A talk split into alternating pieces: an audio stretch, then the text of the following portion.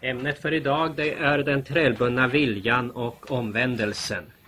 When Erasmus was urged to attack Luther, När eh, Erasmus uppmuntrades att eh, angripa Luther he found it very difficult to attack Luther's efforts at reforming the church.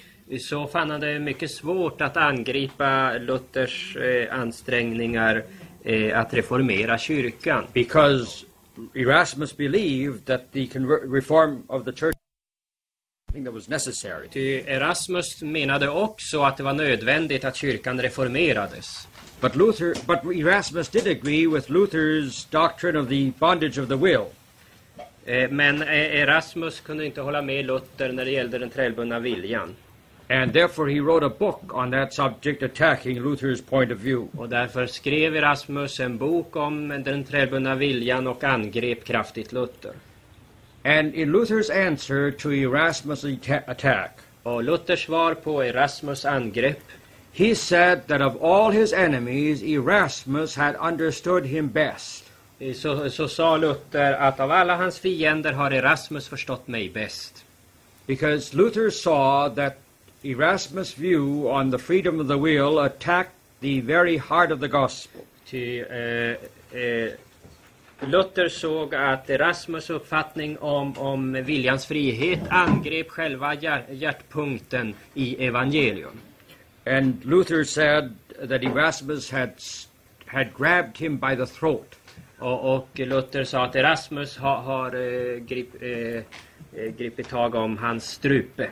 In other words, he had struck again at the very heart of Orthodox theology. Med andra ord så hade han angripit själva hjärtpunkten i den ortodoxa teologin. So often we don't realize how significant this point is. Vi eh, inser inte ofta hur viktig och avgörande denna punkt är. And the bondage of the will needs to be emphasized in our Och time därför måste viljans eh, träldom betonas i vår tid. Because also many Lutherans are adopting Erasmus's and Melanchthon's views on the freedom of man's will. Ty också många lutheraner har antagit i vår tid Erasmus och Melanchtons syn på den fria viljan. And Erasmus and Melanchthon almost destroyed Lutheranism by his co- compromise on this point. Och, och Melanchthon kom ju att nästan fördärva lutherdomen genom att kompromissa på denna punkt. Erasmus was troubled by the question of why some men are saved rather than others. Eh, Erasmus han var bekymrad över frågan eh, varför blir vissa människor frälsta och inte andra? Luther's doctrine on conversion did not permit man to see a clear answer to the quest- to that question. Eh, Luthers eh, undervisning om omvändelsen gav inte människan någon möjlighet att finna något klart svar på den här frågan. Uh, because the Bible teaches very clearly that God wants all men to be saved. Ty Bibeln lär ju mycket klart att Gud vill att alla människor skall bli frälsta. And the Bible also teaches that God is almighty Och Bibeln lär ju också att Gud är allsmäktig and that he can do whatever he wants to do. och att han kan göra allt det han vill göra. That is specifically said Det är direkt utsagt. When the Bible says that our God is in the heavens, he has done whatsoever he has pleased. När Bibeln säger att vår Gud är i himmelen, han, han gör vad, vad helst han vill. If God can do anything he wants to do, Om Gud kan göra vad helst han vill and he really wants to save all men, och han verkligen vill frälsa alla människor, then why don't they all go to heaven? varför kommer då inte alla människor till himmelen? Human reason would seem to imply that this is necessary. Eh, Det mänskliga förnuftet vill dra slutsatsen att, att eh, det är nödvändigt att alla blir frälsta. Erasmus was not willing to adopt the Calvinistic and Zwinglian view of this. Erasmus ville inte anta den kalvinistiska och swinglianska ståndpunkten i, i den här frågan. See, Calvinistic theology says, well, God doesn't really want to save all men. Den kalvinistiska teologin säger ju att Gud vill inte i verkligheten frälsa alla människor. He only wants to save the elect. Han vill bara frälsa de utvalda. Now, that is a reasonable uh, answer to the problem, Och det är ju ett förnuftigt svar på problemet. but it is not a biblical answer Men det är inte ett bibliskt svar. because it denies the biblical doctrine that God wants to save all men, Ty detta svar förnekar den bibliska läran att Gud vill frälsa alla människor. that he does not want anyone to be lost. Att han inte vill att någon enda ska gå förlorad. But that answer was, and that, that way out of the difficulty was closed for Melanchthon. Men den här vägen ut ur denna svårighet var stängd för Melanchthon. He saw that the Bible clearly teaches that there is no difference in God's grace to men. Eh, Han såg att Bibeln klart lär att det inte är någon skillnad i Guds nåd emot människor.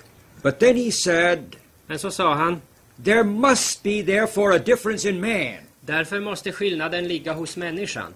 Uh, there must, some men must be worse than others. Vissa människor måste vara värre än andra. And from that he came to the conclusion that there is still a slight freedom in man's will. Och av detta kom han till slutsatsen att det måste finnas en liten frihet hos människan. And in one of the early editions of his book on dogmatics, Och i en av de tidigare utgåvorna av hans dogmatik he said that there are three causes for man's conversion. så säger han att det finns tre orsaker till människans omvändelse. The first is the Holy Ghost, Den första orsaken är den helige Ande. and the second is the Word of God, Den andra är Guds ord. and the third is the cooperating will of man. Och den tredje är människans egen viljas samverkan. In plain language, this simply means I tydliga ord betyder detta helt enkelt that God wants to save all men, att Gud vill frälsa alla människor, but He is able to save only those who cooperate. men han kan frälsa bara de som samarbetar. God converts those who are willing to be converted. Gud omvänder de som vill bli omvända. And those who don't want to be converted, God cannot convert. Och de som inte vill bli omvända, de kan inte Gud omvända. And that then answers the question of why some are saved and others lost, also in a way that is satisfactory to human reason. Och då har man fått ett svar på frågan varför vissa blir frälsta och inte annat. Ett svar som är tillfredsställande för det mänskliga förnuftet. And Luther said to, Era- to Melanchthon, Men Luther sa till Melanchthon, You are troubled by that head of yours. du är bekymrad av ditt huvud. And as long as Luther lived, he, uh, Melanchthon always retracted, uh, moved back from his position. Och så länge Luther levde så, så eh, drog sig eh, Melanchthon tillbaka från denna ståndpunkt. But after Luther died, Men sedan Luther hade dött Erasmus again maintained this point. så eh, upprätthöll, upprätthöll Melanchthon återigen denna felaktiga ståndpunkt. And in doing that, he really adopted Erasmian theology rather than Lutheran Och theology. genom att göra det så förde han fram eh, Erasmus teologi snarare än Luthers.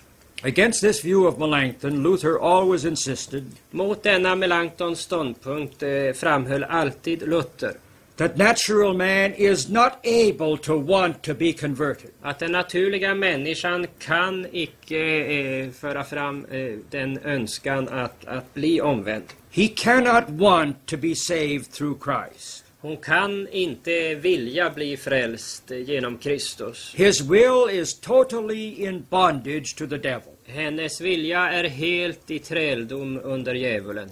And the bondage of the will is only one aspect of the total depravity of man. Och, det, och den trälbundna viljan är bara en aspekt av människans totala syndafördärv. Because man is totally depraved, Ty människan är totalt eh, fördärvad. he his will also is totally depraved. Därför är hennes vilja också fördärvad. His will is completely opposed to the will of God. Hennes vilja är helt och hållet eh, motståndare till Guds vilja. But it is not only man's will that is in bondage to the devil. Men det är inte bara människans vilja som är i träldom under djävulen. In the connect, connection with the bondage of the will, we always have to remember also that man's intellect is in bondage. I samband med den träldbundna viljan måste vi också komma ihåg att också intellektet står un under denna träldom. His intellect is totally depraved, Hennes intellekt är fördärvat. and it is completely in the devil's power. Och det är helt och hållet i djävulens makt. While he has still some knowledge of the natural world, Även om hon alltjämt har en viss kunskap om den naturliga världen his knowledge of the spirit of spiritual things is corrupted and depraved. så är hennes kunskap om andliga ting eh, korrumperat och fördärvat. Man still has a knowledge of the law, Människan har alltjämt en kunskap om lagen, but even that knowledge of the law is used the way the devil wants it to be used. men också denna naturliga kunskap i lagen används på ett sätt som djävulen vill vill att den ska användas. In the very beginning, I själva början the devil persuaded Eve övertygade djävulen Eva that she could find her greatest happiness att hon kunde finna sin största lycka by acting on her own genom att handla på egen hand instead of by find, instead of finding her happiness in all the treasures freely given by God in the garden. istället för att finna sin lycka i alla de skatter som fritt hade givits åt henne i lustgården. The fall of Eve Evas syndafall basically consists in a desire for salvation by works. består i grunden i en önskan att bli frälst genom gärningar. She believed that she could get what she really needed for perfect happiness by following what the devil told her to do. Hon trodde att hon kunde få det som behövdes för fullständig lycka genom att följa det som djävulen sa hon skulle göra. Instead of simply accepting the word of God as the rule of her life. Istället för att helt enkelt ta emot Guds ord som, som hennes livsregel. And to this day, the devil is able to persuade all men who are not enlightened by God. Och till den dag som idag är så söker djävulen Sorry, jag missade To this day, the devil is able to persuade all men who are not enlightened by God. Så är djävulen i stånd att övertyga alla människor som icke upplyses av Gud. That they can find salvation by works. Upplysa dem om att de kan finna frälsning genom egna gärningar. And this is really a perversion of man's knowledge of the law. Och detta är en, eh, ett, ett, ett omstörtande av människans kunskap om lagen. See, the law does teach, theoretically, a way of salvation by works. Ty lagen lär ju teoretiskt en frälsning genom eh, gärningar. The law clearly says that by perfect obedience men can obtain everlasting life. Lagen lär ju att genom fullkomlig lydnad kan människan få evigt liv. The, Lord Jesus himself says that if a man keeps all the commandments, he will live. Och Jesus själv säger att om en människa håller alla buden så ska hon leva. Now, part of man, the perversion of man's intellect is that he considers all of God's word to be foolishness. Ja, en, en del av, av människans fördärvade intellekt består i detta att hon betraktar alla, allt vad som kommer från Gud som dårskap. And if we teach the law Och om vi lär lagen, just the way it is taught in the Bible, precis som Bibeln lär det, people will say that this is not possible. så kommer människor att säga det här går ju inte. God cannot require that of us, that we should be perfect. Gud kan inte begära detta av oss att vi ska vara fullkomliga. Because it is impossible for any man to be perfect. Ty det är omöjligt för någon människa att vara fullkomlig. And yet they want to be saved by works. Men likväl vill de bli frälsta genom gärningar. Apparently, they want to be saved by the law, Uppenbarligen vill de bli frälsta genom lagen. but the law by which they want to be saved is not the law of God. Men den lag genom vilken de vill bli frälsta är inte Guds lag. It is the law which they have made for themselves. Utan det är en lag som de har gjort upp för sig själva.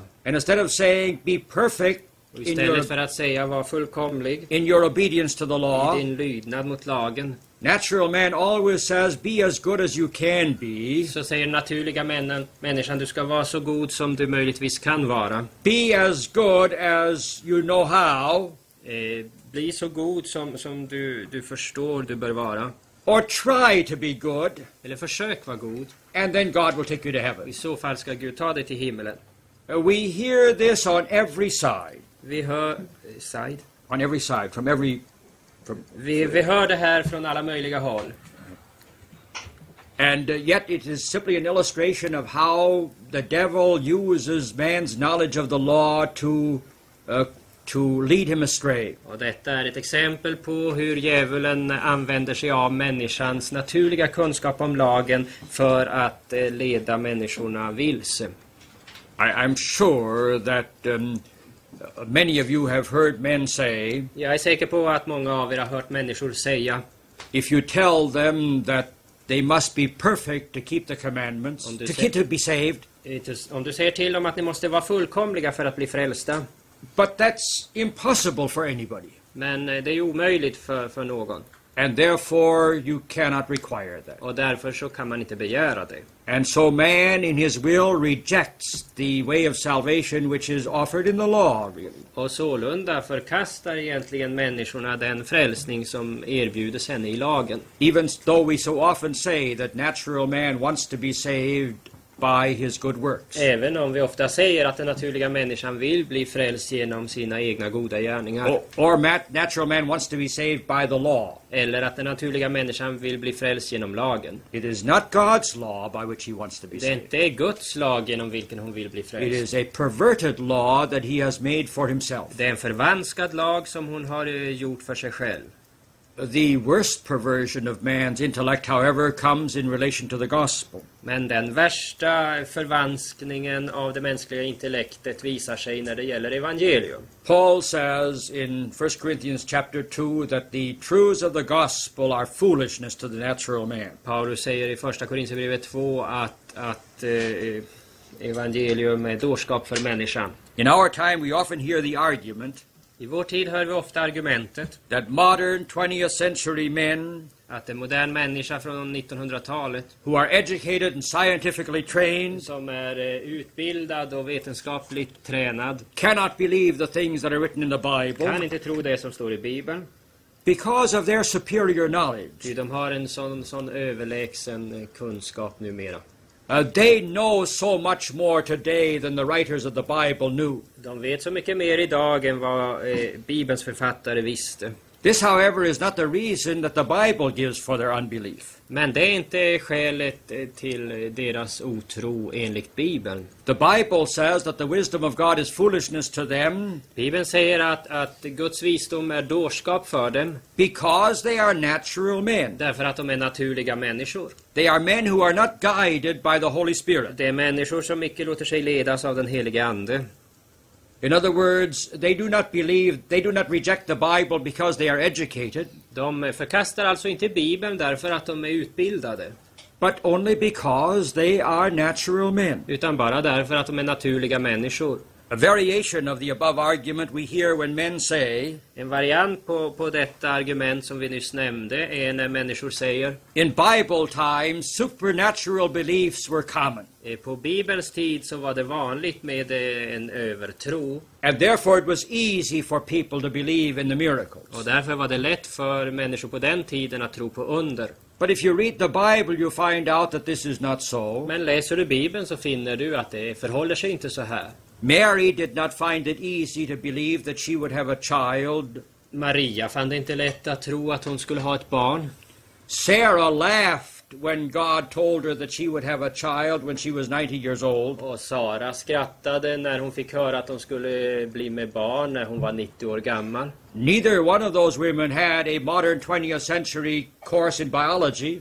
Och ingen del av dessa båda kvinnor hade en kurs i biologi från 1900-talet. Uh, but they still found it difficult to believe what God told them. Likväl fann de det svårt att tro det som Gud sa dem.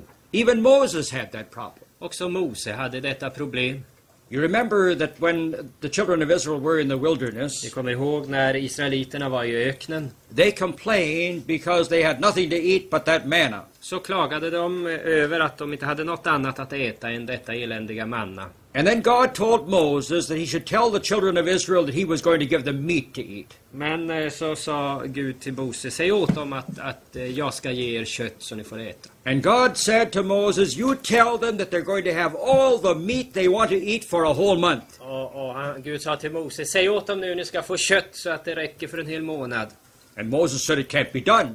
Men Mose sa, det, det kan ju inte He ske. said, If we would kill all the cattle we have, För skulle vi slakta all boskap vi had, har, there wouldn't be enough uh, meat to feed them for a whole month. så räcker det ju inte för en hel, veck, eh, för en hel månad. And not only that, he said, If you would go and catch all the fish in the sea, Och inte bara det, han sa om, om vi skulle fånga all fisk som finns i havet, so there wouldn't be there wouldn't be enough meat to feed this whole people for a whole month. så räcker det ändå inte till att föda dem för en hel månad.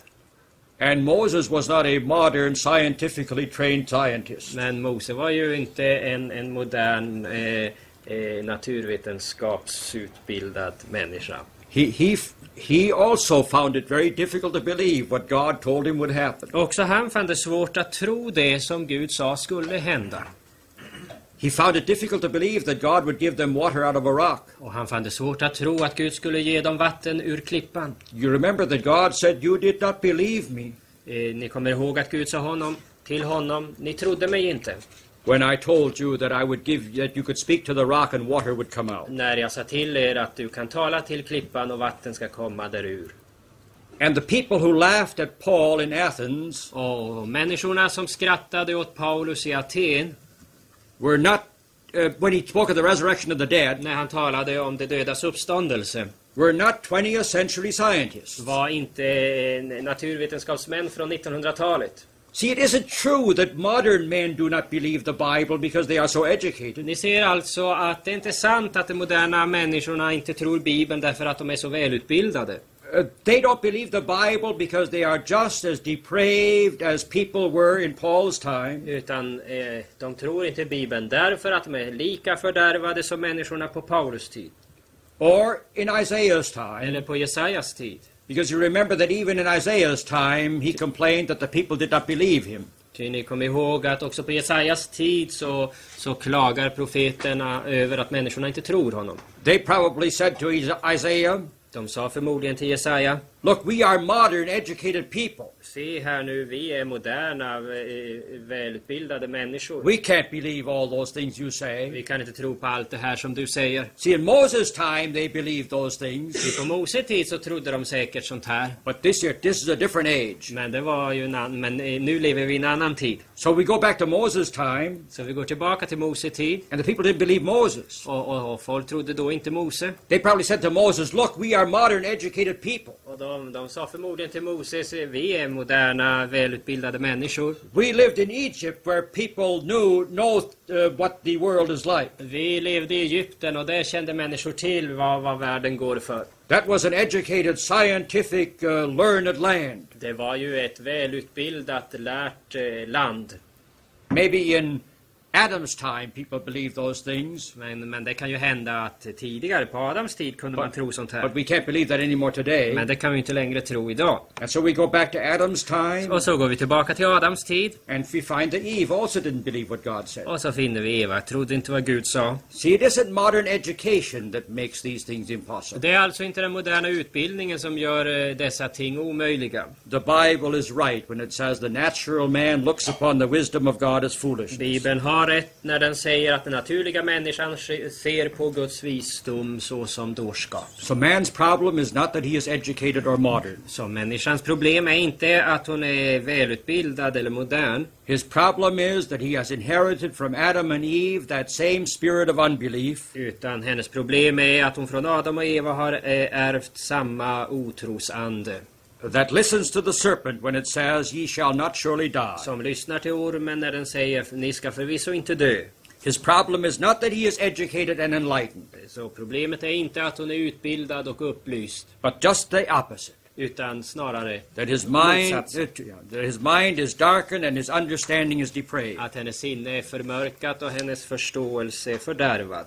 And yet we find foolish people in the church of our time Och ändå så finner vi dåraktiga människor i kyrkorna i vår tid. who think that the problem, the solution to the problem of man's unbelief, Som tror att lösningen på problemet med människans otro is to change the Bible. är detta att vi bör förändra Bibeln. We have to remove from the Bible everything that is a stumbling block to faith, as they call it. Vi ska avlägsna från Bibeln allt det som, som är, är en, eh, en, en sten man snavar på för tro. Um, some years ago, I spoke to a uh, Lutheran layman in St. Paul, Minnesota, Eh, för några år sedan så talade jag till en luthersk lekman i Minnesota. who was really a fine Christian, Som i verkligheten var en fin kristen. who, who believed the Bible Som as, trodde Bibeln and accepted the miracles for himself. och trodde på undren för sin del. He was also a Sunday school superintendent, Han var också en, en övervakare för söndagsskolundervisningen. and he taught Sunday school himself. Och han lärde själv i söndagsskolan. And one day he said to me, Men en dag sa han till mig, No, we don't have enough educated people in our church. vi har inte tillräckligt välutbildade människor i vår kyrka. At that time I was a member of the Missouri Synod. På denna tid var jag ännu medlem i Missouri-synoden. He said, We uh, university graduates don't join our congregations. Eh, Han sa att, att eh, universitetsstuderande, de, de vill inte vara med i vår kyrka. He forgot that he himself was a university graduate. Han glömde bort att han själv var, var, var utbildad vid universitet. But he said, You know what keeps those people out of the church? Men han sa, du vet vad det är som hindrar dessa a- att tillhöra församlingen? It's those miracles. Det är de här undren. The miracles make it impossible for them to believe the Bible. Han sa att undren gör det omöjligt för dem att tro Bibeln. He said, Don't you think it would be better if we leave the miracles out of our preaching? Han sa, tror du inte att det är bättre om vi eh, lämnar undren eh, utanför våra predikningar? If they didn't have to believe those miracles, they'd be more willing to believe in Jesus. Om de inte behövde tro dessa under skulle de vara mera villiga att tro Jesus. But what the man was evidently forgetting was that the virgin birth of Jesus is a miracle too. Men vad denne man uppenbarligen glömde var att också jungfrufödelsen är ett under. The resurrection of Jesus is a miracle. Och Jesu uppståndelse är ett under. As we saw yesterday, Jesus himself is a miracle. Och som vi såg igår, Jesus själv är det största av alla under. And if you want to take all the miracles, you take out the heart even uh, of the out of the doctrine of Jesus in the Bible. Så vill du ta bort undren så måste du ta bort själva, eh, själva hjärtat i, i evangelium och Kristus själv. That's the kind of foolishness we sometimes hear from Christians then. Det här är alltså det slags dårskap vi ibland får höra av till och med från kristna. See, see, Mary was a believer in God. Maria trodde Gud, Sarah was a believer in God. Sa Sara trodde Gud, Moses was a believer in God. Mose trodde Gud. And they still had their problems believing everything clearly that God told them. Men de hade likväl problem att kunna tro allt det som Gud sade. And it's strangest of all is this Och det egendomligaste av allt är detta. that we find that kind of suggestion in the mouths of people who themselves believe in the miracles. Att vi, vi får höra dessa förslag från sådana människor, människor som själva tror på undren. And they will say, Why do we have to say the world was created in six Och days? så säger man, varför måste vi säga att världen skapades på sex dagar? That just makes it impossible for our modern university students to accept the Bible. Det gör det ju så svårt för våra moderna universitetsstuderande att tro Bibeln. Why don't we co op? Why don't we agree that they can believe in evolution? Varför kan vi inte eh, hålla med om att eh, utvecklingsläran må vara sann? And these people who make those suggestions actually think that they're doing the church a favor. Och de som kommer med sådana här förslag, de tror i verkligheten att de gör kyrkan en tjänst. That they are making it possible for the church to gain more members. Att de gör det möjligt för eh, kyrkan att få flera medlemmar. And really making it possible for more people to be saved. Och gör det möjligt för flera människor att bli frälsta. But it's not the Bible that needs to be changed Men det är ju inte Bibeln som behöver bli ändrad eller reviderad. It is man's blinded reason that needs to be changed. Utan det är människans blinda förnuft som måste förändras. And that's why conversion is so often spoken of as enlightenment. Och det är därför som eh, omvändelsen så ofta omtalas som en upplysning. Why the Bible says that in conversion men are called out of darkness into God's marvelous light. Bibeln säger att i omvändelsen kallas människan från mörkret och in i Guds underbara ljus. That the blind are made to see. Att den blinde göres till en seende. when the Holy Ghost does His blessed work in their hearts. När den heliga Ande utför sitt välsignade arbete i hennes hjärta. See, uh, and this is directly connected with the bondage of the will. Och det här hör nu direkt samman med eh, viljans träldom. No man wants to believe what he considers to be nonsense. Ingen människa vill ju tro det som hon menar vara nonsens. The American theologian Jonathan Edwards Denna amerikanske te- teologen Jonathan Edwards said something which was certainly psychologically true sa en sak som förvisso var psykologiskt sant. when he says the will always follows the last dictate of the understanding. Eh, när han sa att viljan följer alltid det, det förståelsens sista diktat. In other words, man will always want that which he considers to be best. Med andra ord, människan vill alltid ha det som hon tycker är bäst. He will always want that which he considers to be the most desirable. Hon vill alltid ha det som hon betraktar vara mest önskvärt. And because man by nature looks upon the gospel as Och foolishness, eftersom nu människan av naturen ser på evangelium som dåraktighet he does not want to be saved in the way the gospel tells him that he can be saved. så vill hon alltså inte bli frälst på det sätt som eh, Bibeln säger att hon kan bli frälst på. And it is, it is his darkened understanding thinking which has that effect on his will. Det är alltså hennes förmörkade förstånd som har denna eh, verkan på hennes vilja. And we must never separate the bondage of the will from the bondage of the intellect. Vi får alltså aldrig skilja eh, viljans träldom från intellektets träldom. The bondage of the will is also just another aspect of what the Bible calls man's spiritual death. Viljans träldom är också bara en annan aspekt av det som Bibeln kallar eh, den andliga döden. The Bible often speaks of men as dead, Bibeln talar ju ofta om människan som död, even while they are physically alive. även om de fysiskt sett lever.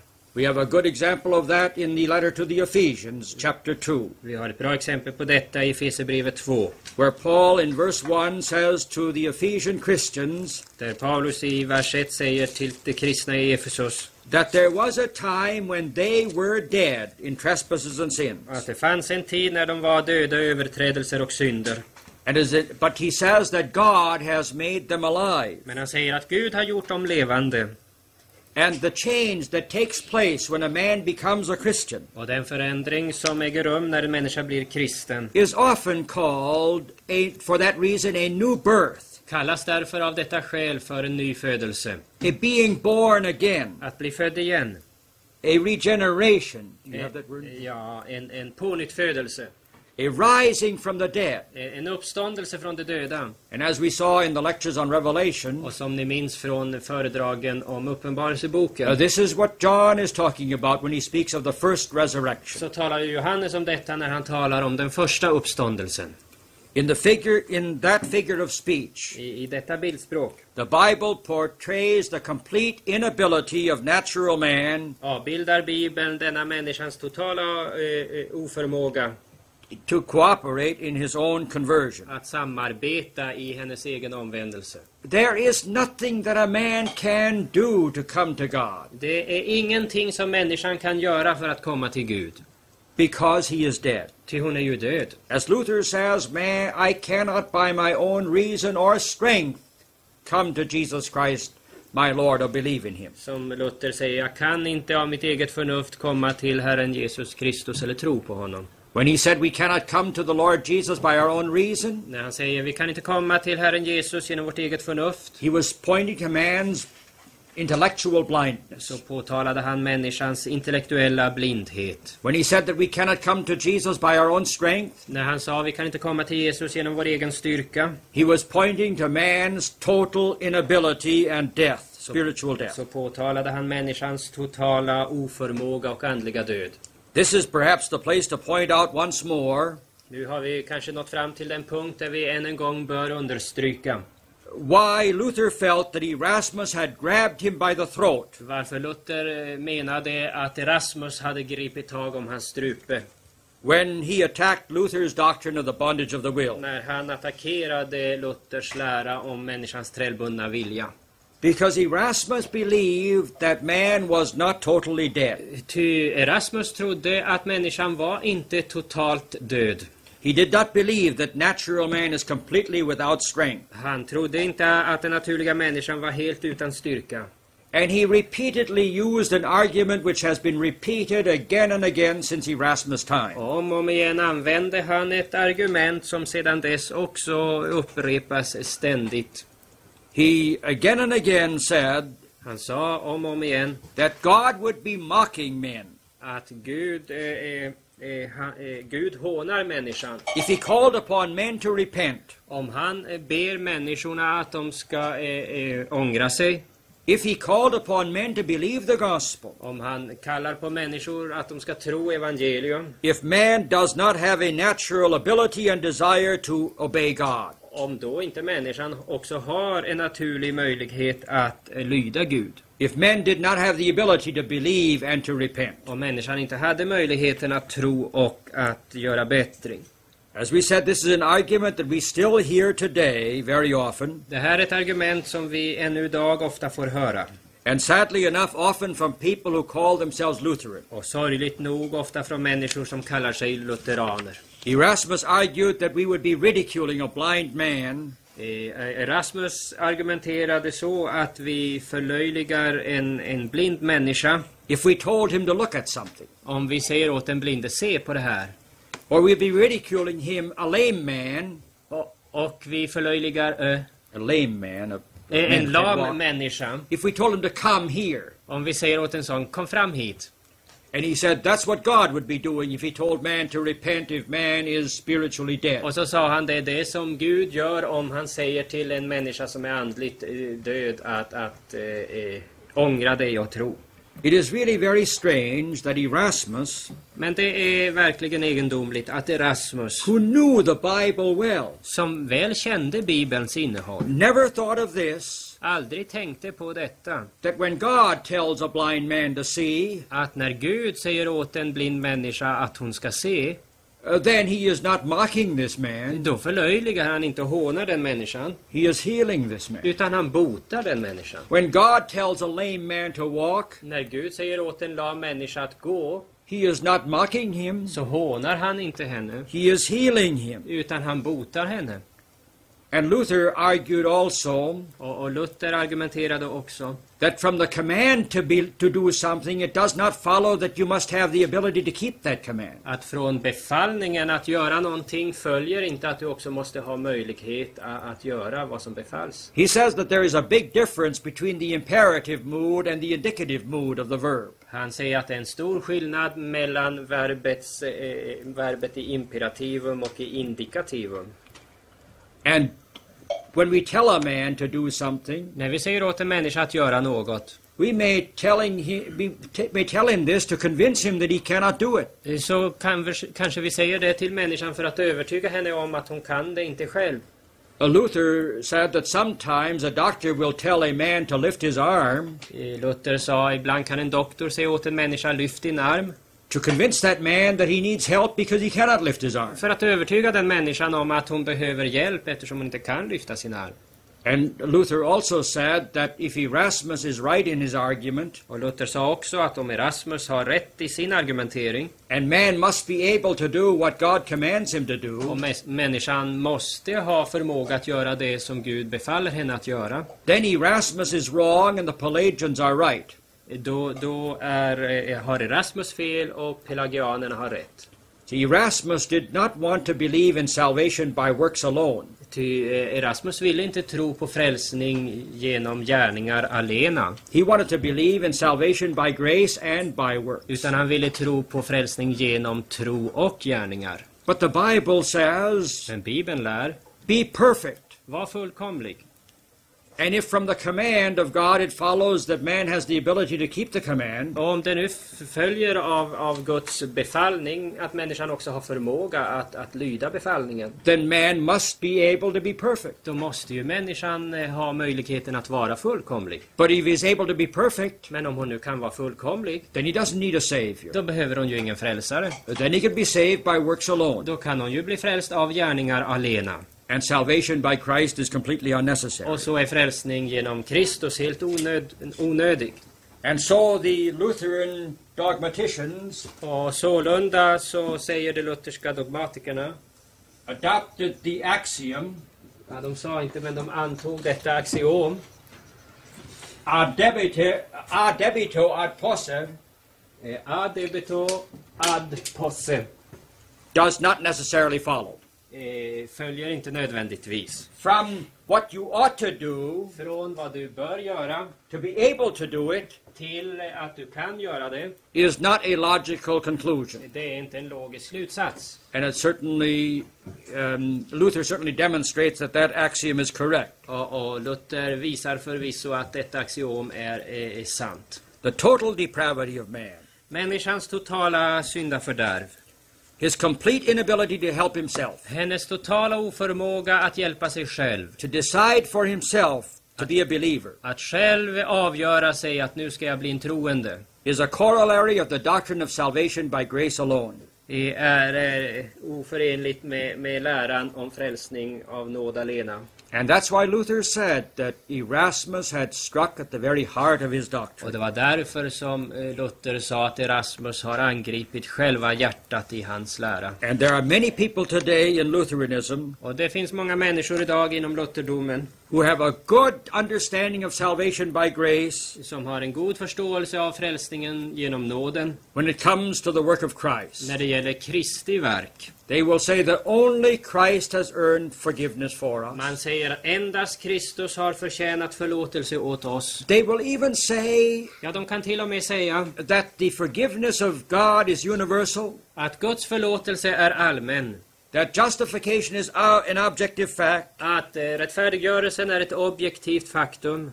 and thus clearly teach salvation by grace on that point. Och sålunda lär de klart frälsning av nåd på denna punkt. But they seem to forget salvation by grace alone completely Men de tycks glömma frälsning av nåd alena fullständigt. when it comes to the work of the Holy Ghost. När, när de kommer till punkten om den helige Andes verk. When it comes to conversion, När det kommer till omvändelsen. Then they say we'll have to cooperate with the Holy Ghost. Då säger man, vi måste nu samarbeta med den helige Ande. Our will must be right before the Holy Ghost can make Christians out of us. Vår vilja måste först bli rätt innan, innan den helige Ande kan göra eh, kristna av oss. In other words, while we do nothing to earn forgiveness, Eh, Med andra ord, eh, även om vi inte gör någonting för att förtjäna förlåtelsen, we must do something in order to have faith. så måste vi göra någonting för att få tro. And so they deny that our conversion is solely and completely, from beginning to end, the work of the Holy Ghost alone. Och sålunda förnekar man att vår omvändelse är från början till slut fullständigt ett verk av nåden alena.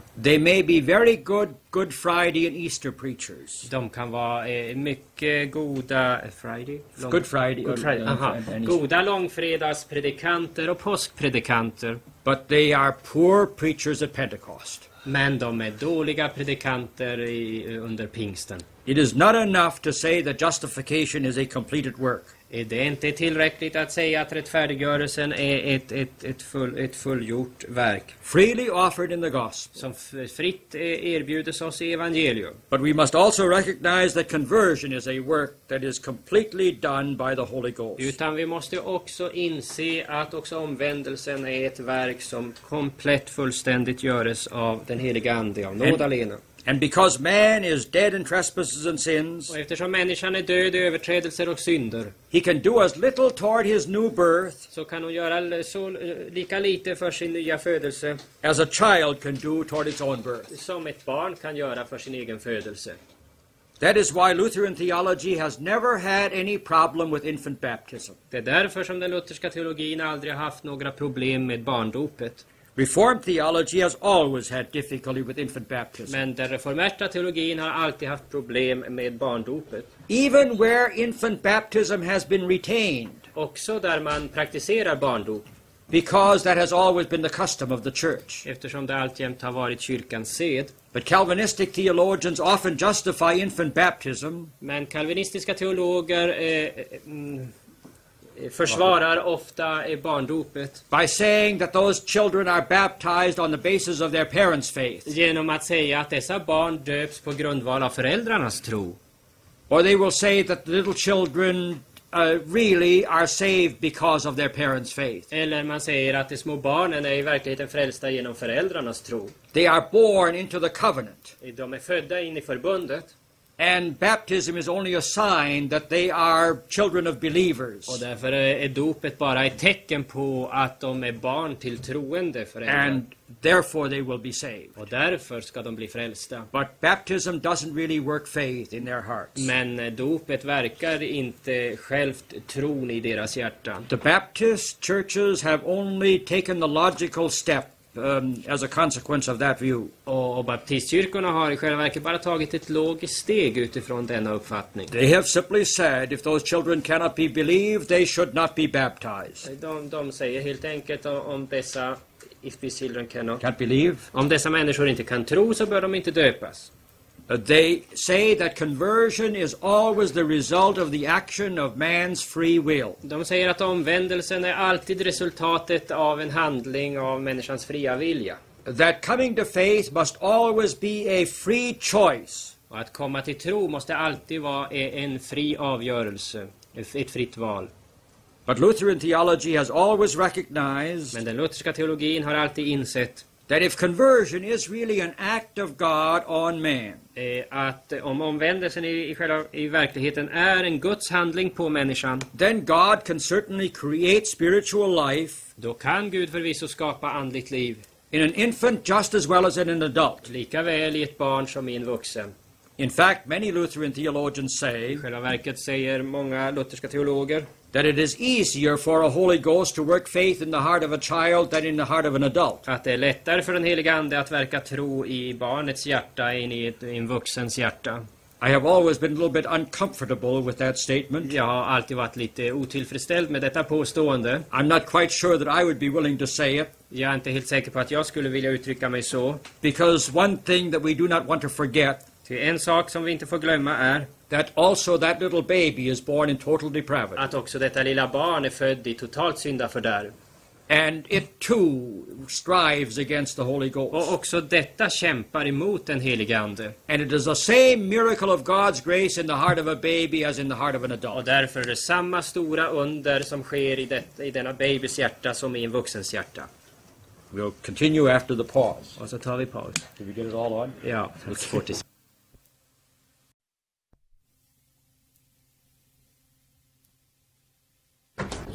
Strictly speaking, Om vi ska uttrycka oss noggrant the bondage of the will is the total depravity of man's will. så är den trälbundna viljan eh, människans viljas totala fördärv. His complete inability to want what God wants. Hennes totala oförmåga att vilja det som Gud vill.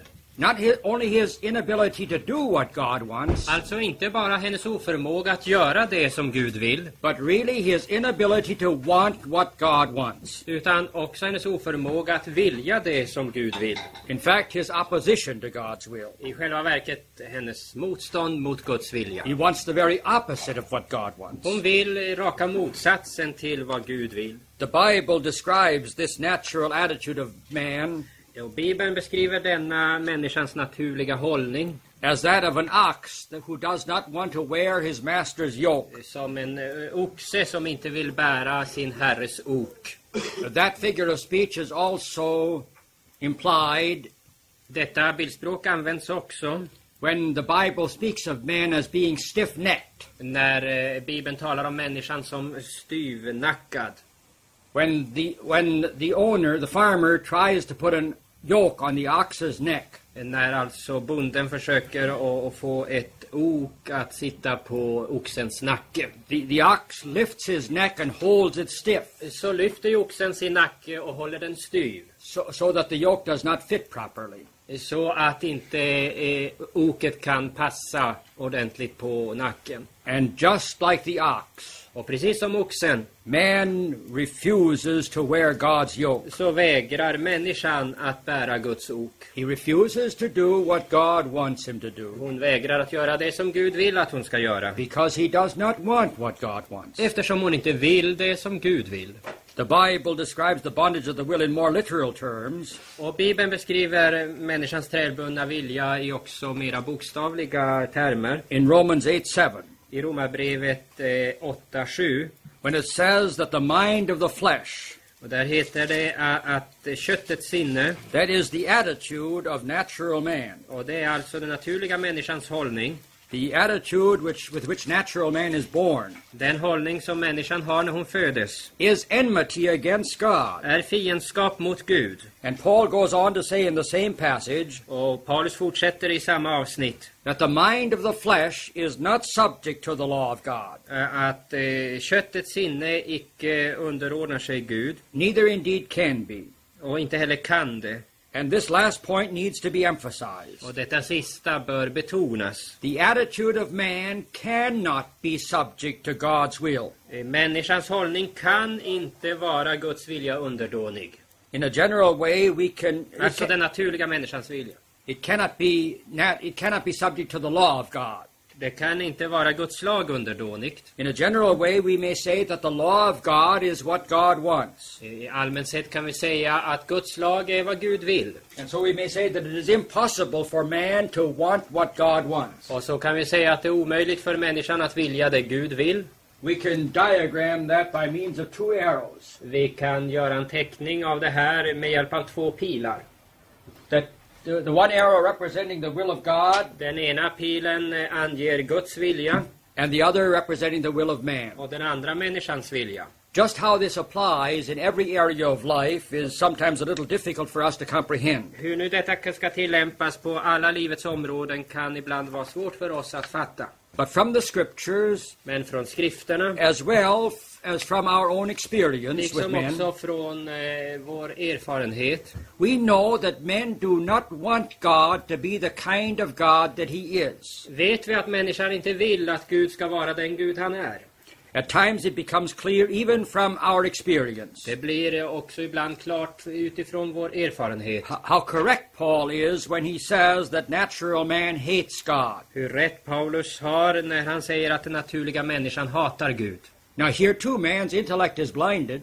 Också här är människans intellekt förblindat. He does not believe that he hates God. Hon tror inte att hon hatar Gud. He will even say that he loves God. Hon kan till och med säga att hon älskar Gud. But the God that he loves Men is, den Gud som hon älskar is such a God as simply does not exist. en sån Gud som inte existerar. For example, Till exempel, the American president Thomas Jefferson den amerikanske presidenten Thomas Jefferson wanted to be a friend of Jesus. ville vara en Jesu vän. He spoke of Jesus as being the greatest teacher the world has ever seen. Han talade om Jesus som den största lärare som världen någonsin har skådat. And he thought that Jesus' teaching was a real guide for men. Och han menade att Jesu undervisning var en verklig vägledning för människorna. But Thomas Jefferson said Men Thomas Jefferson sa that a God who would damn men in hell att en Gud som vill fördöma människor i helvetet, is a monster and not a God. han är ett monster, han är ingen Gud. In other words, Thomas Jefferson, who says that he loves God, Med andra ord, Thomas Jefferson som sa att han älskade Gud, said that the God who sends people to hell is not a God but a monster. han sa ju att den Gud som sänder människor i helvetet är inte en Gud utan ett monster. It is obvious that the God whom Thomas Jefferson loved Det är alltså helt klart att den Gud som Thomas Jefferson älskade was not the God of the Bible. inte var Bibelns Gud. He is not the a he is not a real God at all. Och han är alltså inte en verklig Gud He alls. the kind of God that Thomas Jefferson imagined in his own mind. Utan det är det slags Gud som eh, Thomas Jefferson själv hade eh, hittat på i sitt sinne. William Channing was a uh, a very famous theologian in America in the last century. Eh, och William Channing var en stor teolog i, i Amerika In, in the past century. eh, förra århundradet. And he said that a God who punishes men eternally Och han sa att en Gud som straffar människor evigt is a God in whom we could not believe if we wanted to. är en Gud som vi inte kan tro på även om vi ville. And if we wanted to believe in him, we ought to be ashamed of ourselves. Och om vi skulle vilja tro på en sån Gud så borde vi skämmas. Because such a God people should not believe in, Ty en sån Gud bör inte människor tro på. even if it would be possible for them to believe in. Även om det skulle vara möjligt för dem att tro på en And sådan. he says it is impossible to believe in that kind of God. Men han säger det är omöjligt att tro på det, den sortens Gud. See, uh, in other words, Channing does not want God to be the kind of God that he is. Med andra ord, Channing ville inte att Gud skulle vara den Gud han i verkligheten är. And one can scarcely imagine a clearer demonstration of the attitude of natural man toward the true God. Och man kan alltså knappast tänka sig en, en tydligare vittnesbörd om den naturliga människans hållning mot den sanne guden. It is probably possible for all of us, Det är förmodligen möjligt för oss alla from our own experience, to, att av egen erfarenhet to point to examples that show how the natural man hates God. ge exempel på hur den naturliga människan hatar Gud. For example, when people today say that they cannot believe in a God who punishes men eternally, Till exempel när människor idag säger att man kan inte tro på en Gud som straffar människor för evigt. and I'm sure that all of you have heard them say that, Jag är säker på att ni har hört människor säga så. they are simply in their own way Då gör de helt enkelt på sitt sätt. showing how right Paul was when he says that the natural man hates God. Då visar de helt enkelt hur, hur, den naturliga människan hatar Gud. That the attitude of the flesh is enmity against De God. visar att eh, människans eh, kötts hållning är fiendskap mot Gud. And we had an example of this also uh, a short time ago. Och vi fick ett exempel på det här för en mycket kort tid sedan. When men say God cannot require perfect obedience for salvation because no one can render that, När människor säger att, att eh, Gud kan inte kräva fullkomlig lydnad för att man ska bli frälst eftersom ingen människa kan eh, åstadkomma fullkomlig lydnad. they again show that they don't want God to be the kind of God He is. Då visar man återigen att man vill inte att Gud ska vara den Gud han är. They don't want God to be the God of the law. Man vill inte att Gud ska vara lagens Gud. We so often say that these people have a legalistic view of Christianity, Vi säger ofta att sådana människor har en lagisk syn på kristendomen. and there's a great deal of truth in that. Och det ligger mycket sanning i det. But it ought to be clear to us that they really do not want to be saved even by the law in the way that God wants them to be saved by the law. Men det bör stå klart för oss att de vill inte ens bli frälsta av lagen på, på det sätt som Gud vill att de ska bli frälsta. What is even more surprising, however, Men vad som är ännu mer överraskande är is that natural man does not want God to be a God of free and faithful grace. att Gud, att den naturliga människan vill inte ha eh, en, en Gud eh, sorry, God of free and faithful grace. eh, som eh, would not, not like to have a God. A God of free and faithful grace. Eh, en Gud av fri och trofast nåd. Um, we, um, we saw that all men by nature really want to get to heaven by being good. Vi har sett att alla människor av naturen vill komma till himmelen genom att vara goda. But they will not agree with the biblical principle Men man vill inte hålla med om de bibliska principerna. that in order to get to heaven by being good, Att eh, genom att komma till himmelen, Amen. eh, genom att vara goda, a man must be completely perfect and without sin. så måste människan vara helt fullkomlig utan någon synd. Instead, as we saw, Istället har vi sett they say that a man will get to heaven by being as good as he can be or by trying to be good. så säger man att en människa kommer till himmelen genom att vara så god hon nu kan eller genom att försöka vara god. And with such beliefs, they deny both the law and the gospel. Och genom en sån tro förnekar man både lagen och evangelium.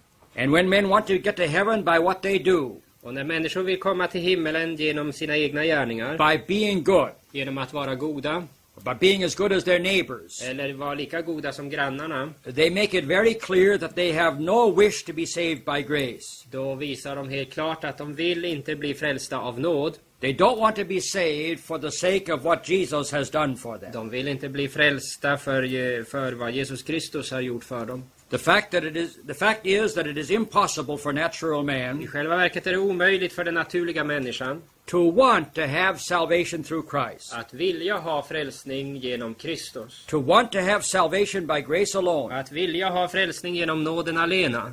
Because what the Lutheran confessions called the opinio legis is Ty- bo- inborn in them. Ty det är så ty, på grund av den eh, o- opinia legis, den lagis, det lagiska sinne som bekännelseskrifterna säger finns inom dem. Uh, the opinio legis, by some people, is often understood as the opinion which is determined by God's law. Opinia legis uppfattas av vissa människor som den eh, mening som styrs av Guds lag. But the word law in that phrase does not refer to the law of God, Men legislagen i det här uttrycket syftar inte på Guds lag. but to the perversion of God's law on which the basis of which they operate. Utan eh, syftar på den förvanskade lag eh, på, grund, på grundval av vilken man, man handlar. But basically, it is the desire of salvation by works. Men eh, i grunden så är det alltså en önskan att bli frälst genom egna gärningar. So we may, may go back to our illustration. Så nu kan vi gå tillbaka till den här illustrationen. God wants men to be saved Gud vill att människor ska bli frälsta by grace, genom nåden. and man wants to be saved by works. Men människor bli, vill bli frälsta genom gärningar. But those two ideas are diametrically opposed to each other. Men de här båda tankarna går tvärt emot varandra. This is really a very comforting doctrine, Det här är egentligen en, en mycket trösterik lära. for it means that when God's way of salvation no longer appears to be foolishness to us, Ty det betyder att när Guds sätt att, att frälsa inte längre är en dårskap för oss, then our minds have been enlightened. då har vårt sinne blivit upplyst. When we want to be saved by grace När vi vill bli frälsta av nåd and not by our works, och inte genom våra gärningar, our will has been set free. då har vår vilja gjorts fri. It is free to want to be saved in the way in which God wants to save us. Då är den fri att vilja bli frälst på det sätt som Gud vill frälsa oss. And so what has happened Så vad som då har hänt, is that the will of man has been changed. Det är att människans vilja har förändrats. It has been turned around Den har vänts om. and the word that we use to describe that is conversion. Och det ord vi använder för att beskriva detta är alltså omvändelse. We might also say that man's eh, by his own will man is unwilling to be saved in God's way. Vi kan också säga att människan genom sin egen vilja är ovillig att vilja bli frälst på Guds vis. And the Lutheran confessions describe conversion by saying that in conversion Och de lutherska bekännelseskrifterna beskriver omvändelsen genom att säga i omvändelsen the Holy Ghost makes unwilling men willing. gör den helige ande ovilliga människor till villiga. That is why the Lutheran confessions say that the slightest longing for salvation through Christ Det är därför som de lutherska bekännelseskrifterna säger att den minsta längtan efter frälsning genom Kristus is already saving faith. är, är redan frälsande tro. And Paul says that in Philippians 2:13. Och Paulus säger detta i Filipperbrevet 2.13. It is God who works in us both to will and to do of his good pleasure. Det är Gud som verkar i oss både vilja och att göra hans, hans, vad som är behagligt honom. It is God who creates in us the will, Det är Gud som skapar i oss vilja, the desire, önskan, which wants that which pleases him. som önskar det som behagar Gud. And Jesus himself tells Och us just, Jesus själv lär oss that it is God's will that those who believe in him att det är Guds vilja att de som tror på honom should have everlasting life. skall ha evigt liv. And when we want to get to heaven in that way, Och när vi vill komma till himmelen på det viset, when we want to get to heaven by believing in Jesus, när vi vill komma till himmelen genom att tro på Jesus, that implies very clearly då innefattar detta helt klart that we no longer want to be saved as all men by nature want to be saved, att vi inte längre vill bli frälsta på det sätt som alla människor vill av naturen, but in the way in which God wants us to be utan vi saved. vill bli frälsta på det sätt som Gud vill att vi ska bli frälsta på. So often Christian pastors hear some of their troubled members say, Ofta hör eh, kristna pastorer, ofta bekymrade medlemmar säga I want to believe in Jesus, Jag vill tro på Jesus, but I just can't. men jag kan ju inte. I know that the only way I can get to heaven is through what he did for me on the cross. Jag vet att det enda sätt på vilket jag kan komma till himmelen är, är genom att, att Jesus har dött för mig på korset. But I just can't believe in him. Men jag kan ju inte tro på honom. But we should never say, I want to believe in Jesus, but I can't. Men vi ska aldrig säga jag vill tro på Jesus men jag kan inte. Anybody who wants to be saved in that way is already a believer in Jesus. Ty var och en som vill bli frälst på detta vis är redan en, en troende på Jesus. What those people are really saying Vad dessa människor i själva verket säger is that they find it very difficult to believe that they are believers in Jesus är att de finner det mycket svårt att tro att de är troende på Jesus. because they have strange views about what it means to believe in Jesus. Ty de har egendomliga uppfattningar om vad det innebär att tro på Jesus. They think that a believer in Jesus is somebody who never is troubled by his sin anymore. De tror att en som tror på Jesus det är en människa som aldrig är bekymrad för sina synder längre. Eller, eller besvärad av sina synder. Or they think that a believer in Jesus is somebody who is never afraid to die. Eller de tänker att den som tror på Jesus är ju aldrig rädd för att dö. Or they think that a believer in Jesus is somebody who does not find any evil desires in his own heart. Eller de tänker att den som tror på Jesus har aldrig några onda lustar i sitt hjärta. And they look at other Och Christians så ser de på andra kristna. and they say, oh, they're so much better than I am. Och så tänker de, de är ju mycket bättre än vad jag är. And therefore I am not a Christian. Och därför kan inte jag vara en kristen. And they don't know what's going on in the hearts of those other Men Christians. de vet inte vad som sker i, i de andra kristnas hjärtan. They don't realize that those other Christians may have the same problems with their sinful old Adam as they have. Och de inser inte att dessa andra kristna kan ha samma problem med, med sin syndiga gamle Adam som de själva.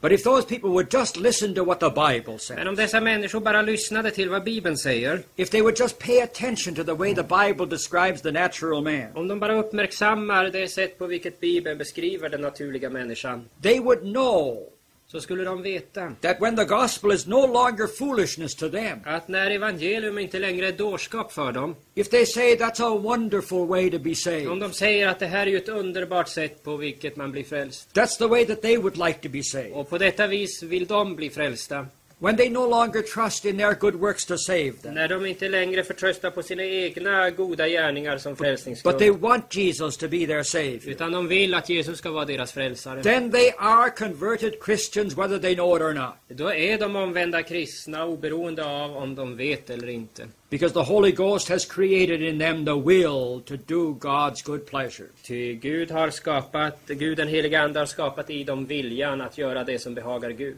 The Holy Ghost has done His blessed work in their hearts. Den helige Ande har gjort sitt välsignade verk i deras hjärtan. The Holy Ghost does that work through the means of Och den grace. helige Ande gör detta verk genom nådens medel. Or probably we ought to say that He does this work through the through the Word of God. Eller vi kan säga han gör detta verk genom Guds ord. Because strictly speaking, the law is not a means of Ty grace. ska vi tala riktigt noggrant så är inte lagen ett nådemedel. But the Holy Ghost also uses the law to bring about conversion. Men den helige Ande använder också lagen för att åstadkomma omvändelse. Not in this sense that through the law He converts men, Inte på det viset att han genom lagen omvänder människor. But through the law He prepares men for conversion. Men genom lagen förbereder han människor för omvändelse. And first, the Holy Ghost does what the Lutheran confessions call His strange work. Så först gör den heliga Ande det som bekännelseskrifterna kallar för den heliga Andes främmande verk. And the strange work of the Holy Ghost is Och den heliga Andes främmande verk the är work,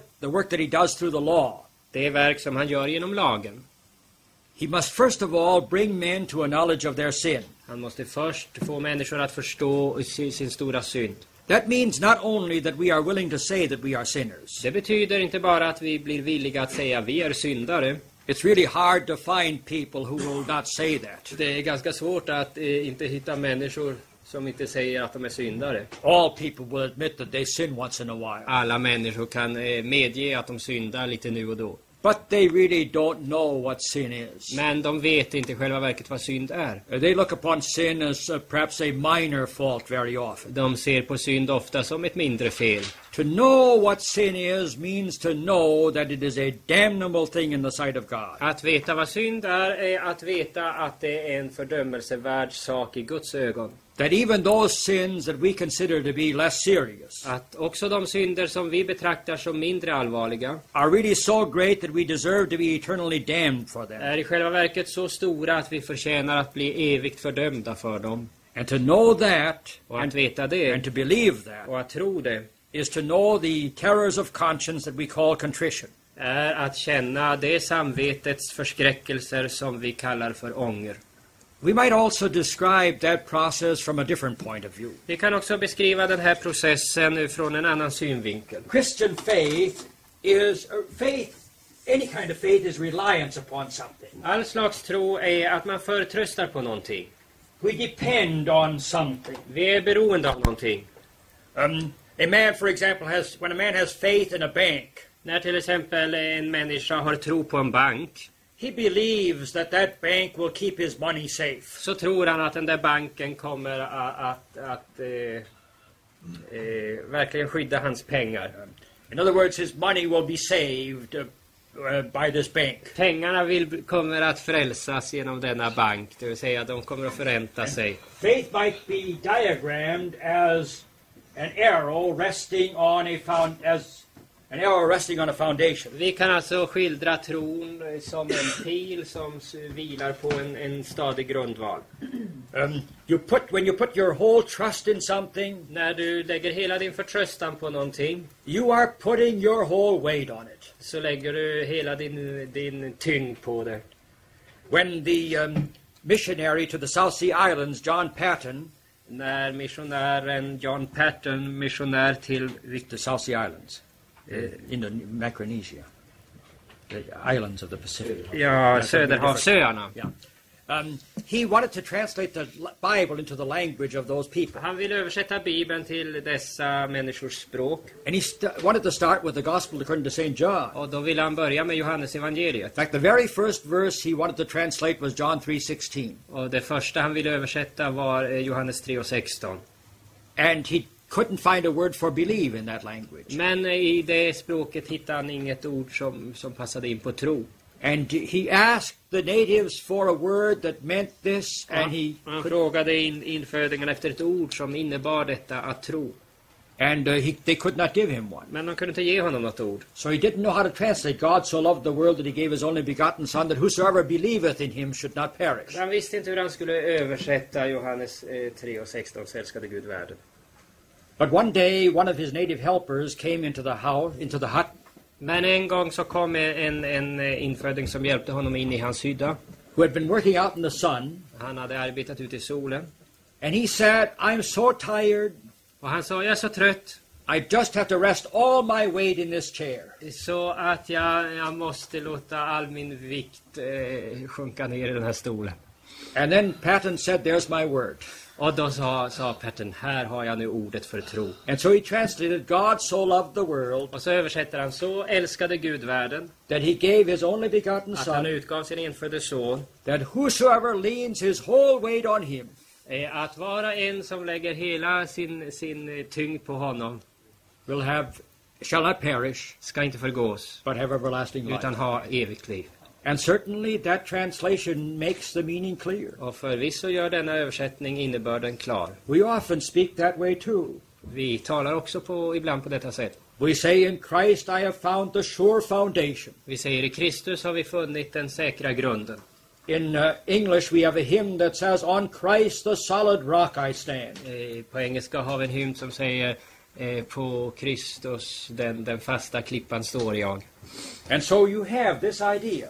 Och så har du alltså denna tanke. I'm putting all my weight on Jesus. Jag sätter all min tyngd på Jesus. The only trouble is the natural man doesn't have Jesus in this place. Men eh, enda problemet är att den naturliga människan har alltså icke Jesus på denna plats. Here he has his own good works. Utan där har han istället sina egna goda gärningar. He is depending on what he has done to get him to heaven. Han är alltså beroende av vad han har, själv har gjort för att komma till himmelen. And the law comes and tells him, but you don't have any good works. Men då kommer lagen och säger du har ju inga goda gärningar. You have to keep every single commandment of God if you want to get to heaven in that way. Eh, Om du vill komma till himmelen på detta vis måste du hålla varenda ett av Guds bud. So what we are really doing with what the Holy Ghost is really doing with the law with, Så vad den heliga Ande i själva verket gör genom lagen is that he is destroying this foundation. är att han förstör denna falska grundval. He is destroying the natural faith of man. Han förstör alltså människans naturliga tro. We often we often hear people say that we must be careful not to destroy somebody's faith. Eh, vi hör ofta människor säga att vi ska vara försiktiga så vi inte förstör någons, någon människas tro. But if his faith is wrong, Men om hans tro är falsk it ought to be destroyed. så bör den förstöras. If he believes in a bank, for Om example, man tror på en bank till exempel and thinks that that bank is going to save his money for him, och tror att den banken kommer att ta väl vara på hans pengar. But you know that that bank is a dishonest bank and ready to, to go bankrupt, Men du känner till att den där banken den är opolitlig och den kommer att gå i konkurs. um, you are not going to say, "Oh, I must not destroy his faith." Då ska du ju inte gå och tänka jag ska inte förstöra hans tro på den där banken. I have to let him keep on putting his money in that bank. Ja, och jag ska låta honom fortsätta att sätta in pengar på den där banken. And so also, if a man is putting his trust in his good works, På samma sätt om en människa förtröstar på sina egna goda gärningar he has a wrong faith, så har han en falsk tro and we ought to destroy it. och vi bör förstöra den. And that's what the Holy Ghost is doing through the preaching of the law. Och det är det som den heliga Ande gör genom lagens predikan. He's robbing man of every comfort that he has in himself. Han berövar människan all självförtröstan. And this situation we call contrition. Och detta kallar vi för ånger. Now, contrition is the work is the work which God does through the law, works through the law. Ångern är alltså det verk som anden uträttar genom lagen. We often speak of contrition as being sorry for our sin. Vi säger ofta ånger, det är att vara, vara sor, sorgsen över synden. But the Lutheran confessions say that contrition is terror smiting the conscience to a knowledge of sin. Men våra bekännelseskrifter säger att ånger, det är de förskräckelser som slår samvetet på grund av våra synder. And contrition is not something, again, that we do Och ånger är återigen inte någonting som vi gör by sitting down and trying to make ourselves feel sorry for our sins. genom att sitta ner och försöka få oss att, att känna, känna oss bedrövade för våra synder. So many Christians look at it in that way. Många kristna tror att det är så. I know that when I was a boy, Jag vet att när jag var en pojke I used to lie in bed at night så, så låg jag i min säng på eh, kvällarna and try to make myself feel sorry for my sin. och försökte få mig att känna mig eh, bedrövad över mina synder. I was terrified of going to hell, Och jag var rädd för att komma till helvetet. but I was sure I wasn't sorry for my sins. Men jag var säker på att jag är ju inte tillräckligt bedrövad över mina synder. And I often tried to make myself cry over my sins Och jag försökte få mig att, att gråta över mina synder. because I really wanted to be sorry. För jag ville ju vara, vara bedrövad. But again, I did not know what sorrow over sin is. Men återigen, jag visste ju inte vad eh, bedrövelse över synden innebar. If I had known the definition of the Augsburg Confession, Om jag hade känt eh, den definition som Augsburgska bekännelsen ger, uh, that contrition is terrors of conscience through the knowledge of sin, att ånger är, är förskräckelse i samvetet genom kunskap om synden, I would have known that I was a contrite sinner. eh, då hade jag ju vetat att, att jag var en ångerfull syndare. But not a contrite sinner who had made himself sorry, Men inte en ångerfull syndare som hade gjort sig själv eh, bedrövad. but a contrite sinner whom God had turned into a contrite sinner through the preaching of the law. Utan en ångerfull syndare som Gud hade gjort till en ångerfull syndare genom lagens predikan. See, contrition is something that happens to us. Eh, ånger är alltså någonting som, som sker med oss. It's something that happens when God's law really takes effect in our heart. Någonting som händer när, när Guds lag får verka i våra hjärtan. Through the law, God convinces us Genom lagen övertygar oss Gud that it is impossible for us to be saved. att det är omöjligt för oss att bli frälsta. It, that its true demands are so high Att dess sanna krav är så höga that we can never fulfill them. att vi aldrig kan uppfylla dem. And so the law tells us that we are Och sinners, så säger lagen oss, vi är syndare that we therefore have deserved God's wrath. och därför har vi förtjänat Guds vrede. And when we have learned to believe that, Och när vi har lärt oss att tro detta, then we are contrite sinners. då är vi ångerfulla syndare. In fact, Luther once defined contrition I, I själva verket så definierade Luther en gång ånger as believing the law. som att tro lagen. How conscious we are of deep feelings Hur, medvetna vi är om djupa känslor will depend in large measure on our psychological makeup. och det be, beror i stor utsträckning på hur vi psykologiskt är funtade. See, some people are very, very emotional and easily moved to tears. Många, en del människor är mycket känsliga de röres lätt till tårar. Other people are very unemotional and crying does not come very easy for them. och andra människor är mindre känsliga och det är mycket svårt för dem att, börja gråta. Some men allow their emotions to run wild, Och en del människor låter känslorna eh, rinna fritt. and other people keep a very tight rein on all their feelings. Medan eh, andra, de kan verkligen dölja alla sina känslor. So how much we feel is not the important thing. Så hur mycket vi känner är inte det avgörande. If we believe that we are sinners who deserve to go to hell, Om vi tror att vi är syndare som förtjänar att komma till helvetet and when we are terrified by that prospect, och när vi är förskräckta över, över en sådan sak. not only that we feel terrified, Inte att vi, bara detta att vi känner oss förskräckta. but that we know that this is something we want to escape at all cost, Utan eh, att vi vet att det här är någonting vi vill komma ifrån till varje pris. then the Holy Ghost has done his strange work in us. Då har den heliga Ande uträttat sitt främmande verk i oss. And the important thing that contrition does for Och us det viktiga som ången uträttar i oss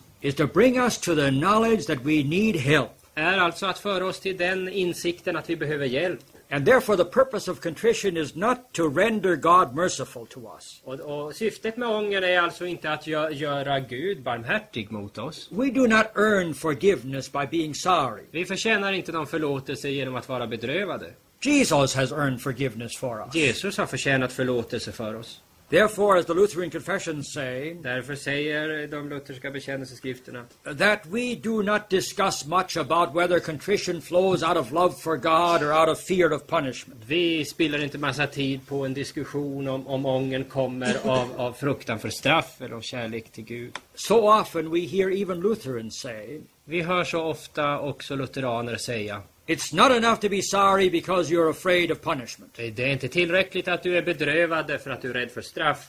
You must be sorry out of love for God, Du måste vara bedrövad av kärlek till Gud. and then God will forgive your sins. Och då ska Gud förlåta dina synder.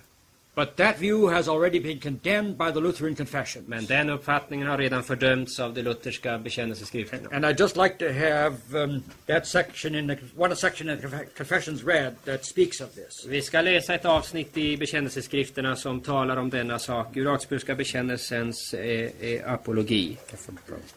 Ty om vi icke genom nyckelmakten vinna tröst inför Gud, vad kan då giva samvetet fri? Det lära även, vilket är än mera befängt, att vi förtjänar nåden genom ångern, contritio. Här kan nu någon till äventyrs fråga, varför icke Saul, Judas och deras gelikar vunno nåden, ehuru det känt en fruktansvärd ånger och förkrosselse.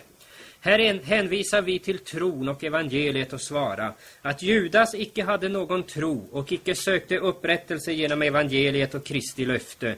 Ty tron markerar skillnaden mellan Judas och Petrus ånger. Men våra motståndare svarar med att hänvisa till lagen och säga att Judas icke älskade Gud utan fruktade för straffet.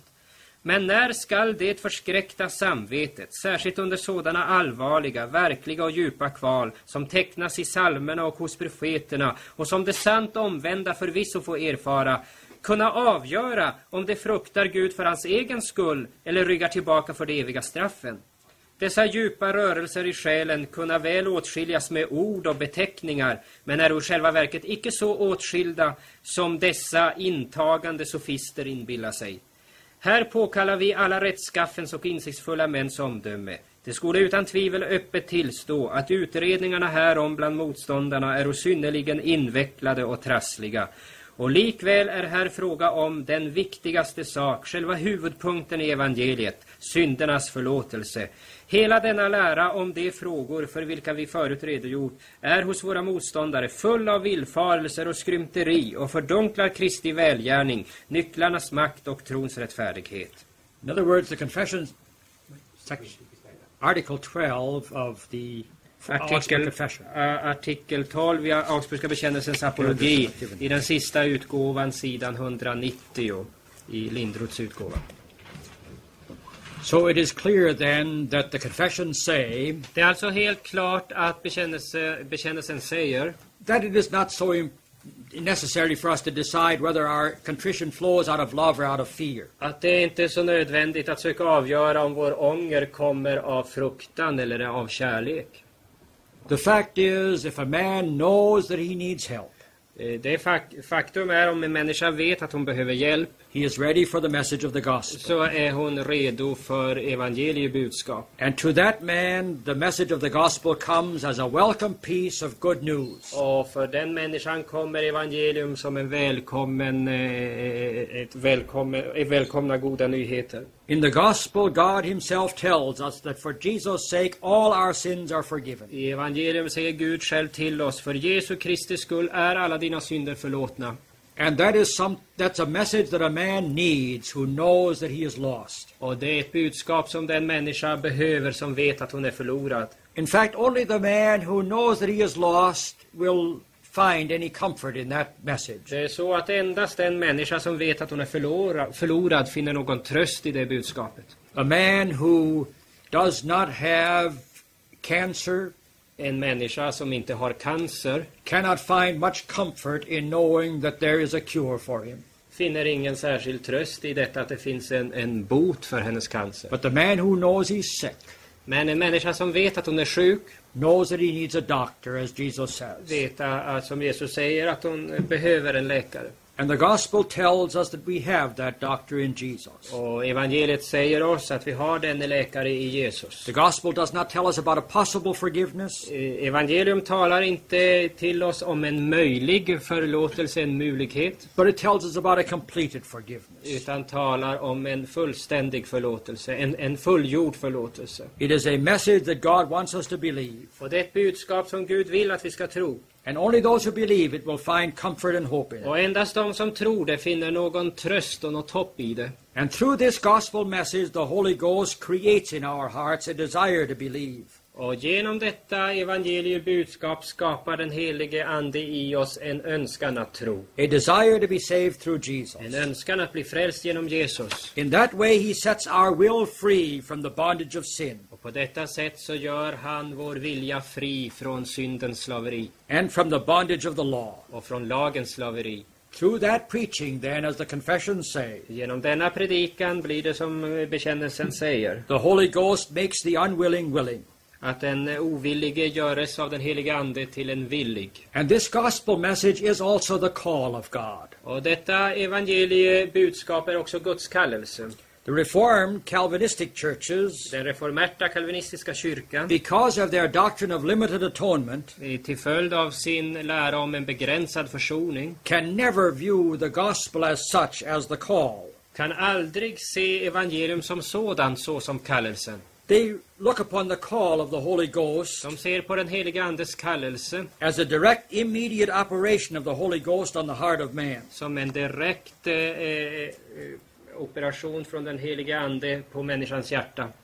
Because of their view that Christ did not die for all men, Till följd av sin eh, uppfattning att Kristus inte har dött för alla människor no one can ever know from the preaching of the gospel kan ingen någonsin veta bara av evangeliepredikan whether the Holy Ghost is really inviting him to come to the, to the Savior. huruvida den helige Ande verkligen har inbjudit eh, henne att komma till frälsaren. And that is why a conversion experience is often so important to many Reformed people. Och det är anledningen till att en, en omvändelseerfarenhet blir så viktig för reformerta människor. Since the Holy Ghost creates faith only in believers, Eftersom den helige Ande bara skapar tro i only, troende. only in the elect, the elect, Ba, bara skapar tro hos de utvalda.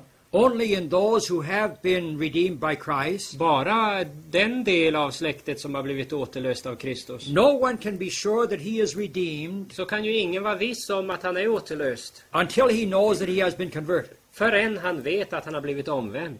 When he has been converted, Men när han har blivit omvänd, then he can say that he is one of the elect. Då kan han säga jag är en av de utvalda. Because according to the Calvinistic doctrine, Ty enligt den kalvinistiska läran, once you are in faith, en gång troende, you will always be in faith. alltid troende. And therefore you can be sure that Jesus died for you. Och därför kan du vara viss om att Jesus har dött för dig. Not because of what the gospel said, Inte på grundval av vad evangelium säger, but because of the experience that you had of the Holy Spirit's work in your heart. utan på grundval av, av den omvändelseerfarenhet du gjorde då och då. Att And den heliga Ande har verkat i ditt hjärta. And exactly the same mistake that is made by the Calvinistic Och churches samma misstag som de kalvinistiska kyrkorna gör, is made by those Lutherans who deny universal justification. göres av de lutheraner som förnekar den allmänna rättfärdiggörelsen. Also, they can be sure of forgiveness only after they are sure that they are believers. Också de kan bara vara vissa om förlåtelsen efter det att de har, har kommit fram till att de är troende. But in true Lutheran orthodoxy, Men i sann luthersk ortodoxi certainty about forgiveness is based on what Luther calls the bare word of God. så grundas vissheten om syndernas förlåtelse på, på skriftens nakna ord, Guds nakna ord. There, the Holy Ghost invites us to come to Christ. Och där inbjuder oss den helige Ande att komma till Kristus. There, He tells us that our sins are forgiven. Där säger han oss att våra synder är förlåtna. There, He kindles true, true new life in us. Där upptänder han ett nytt liv i oss. Through that gospel, He persuades us Genom detta evangelium övertygar han oss om that Christ's way of salvation is not foolishness. att, att Guds sätt att frälsa människorna är icke dårskap. And thereby, He creates in us the will Och därigenom skapar han i oss viljan and the desire to be saved through Jesus and his merit. och önskan att bli frälst av Jesus Kristus och hans förtjänst. And just as contrition is not something that we do to Och ourselves, precis som ångern inte är någonting som vi uträttar hos oss själva, but something that the Holy Ghost creates in us through the preaching of the law, utan någonting som den heliga Ande skapar i oss genom lagens predikan, so also faith is not something that we do ourselves, så är också tron inte någonting som vi själva gör, but it is something that the Holy Ghost does to us. Utan någonting som den heliga Ande uträttar hos oss, för oss, by making us people who want to be saved through Jesus. genom att göra oss till människor som vill bli frälsta genom Herren Jesus. Luther once said Luther sa en gång, that faith is magis passio quam actio. eh, ja, det sa han. Magis passio Luther sa en gång att tron är magis passio quam actio. actio. That simply means faith is more something done to us Det betyder att tron är mera någonting som är gjort för oss than something done by us. än någonting som är gjort av oss. Now, he does not say it is only something done to us Han säger inte att det är bara någonting som är gjort and för not, oss not something done by us. och inte gjort någonting, eh, någonting som är gjort av oss. Because obviously, faith is something that we do. Ty uppenbart är tro någonting som vi gör. We believe in Jesus. Det är vi som tror på Jesus. But what Luther is saying is that before we can do that, Men vad Luther säger är att innan vi kan göra det the Holy Ghost must first of all do something to us. måste den heliga Ande först av allt göra någonting för oss. And what he does is not that he this that he gives us the ability to become believers. Och vad han gör, det är inte detta att han ge- ger oss förmågan att bli troende. Uh, that's the way it is sometimes described. Så beskriver man det ibland. But what we ought to say is he gives us the faith. Utan vad vi bör säga är detta att han ger oss tron. He makes believers out of us. Han gör troende av oss. And when that has happened, Och när det har hänt, that the intellect and the emotions and the will of man då har intellektet och känslorna och människans vilja have been set free from the bondage of sin. från syndens träldom. And this is really true Christian liberty, Och detta är den sanna kristna friheten of which we shall speak more this afternoon. som vi ska tala mera om efter lunchrasten.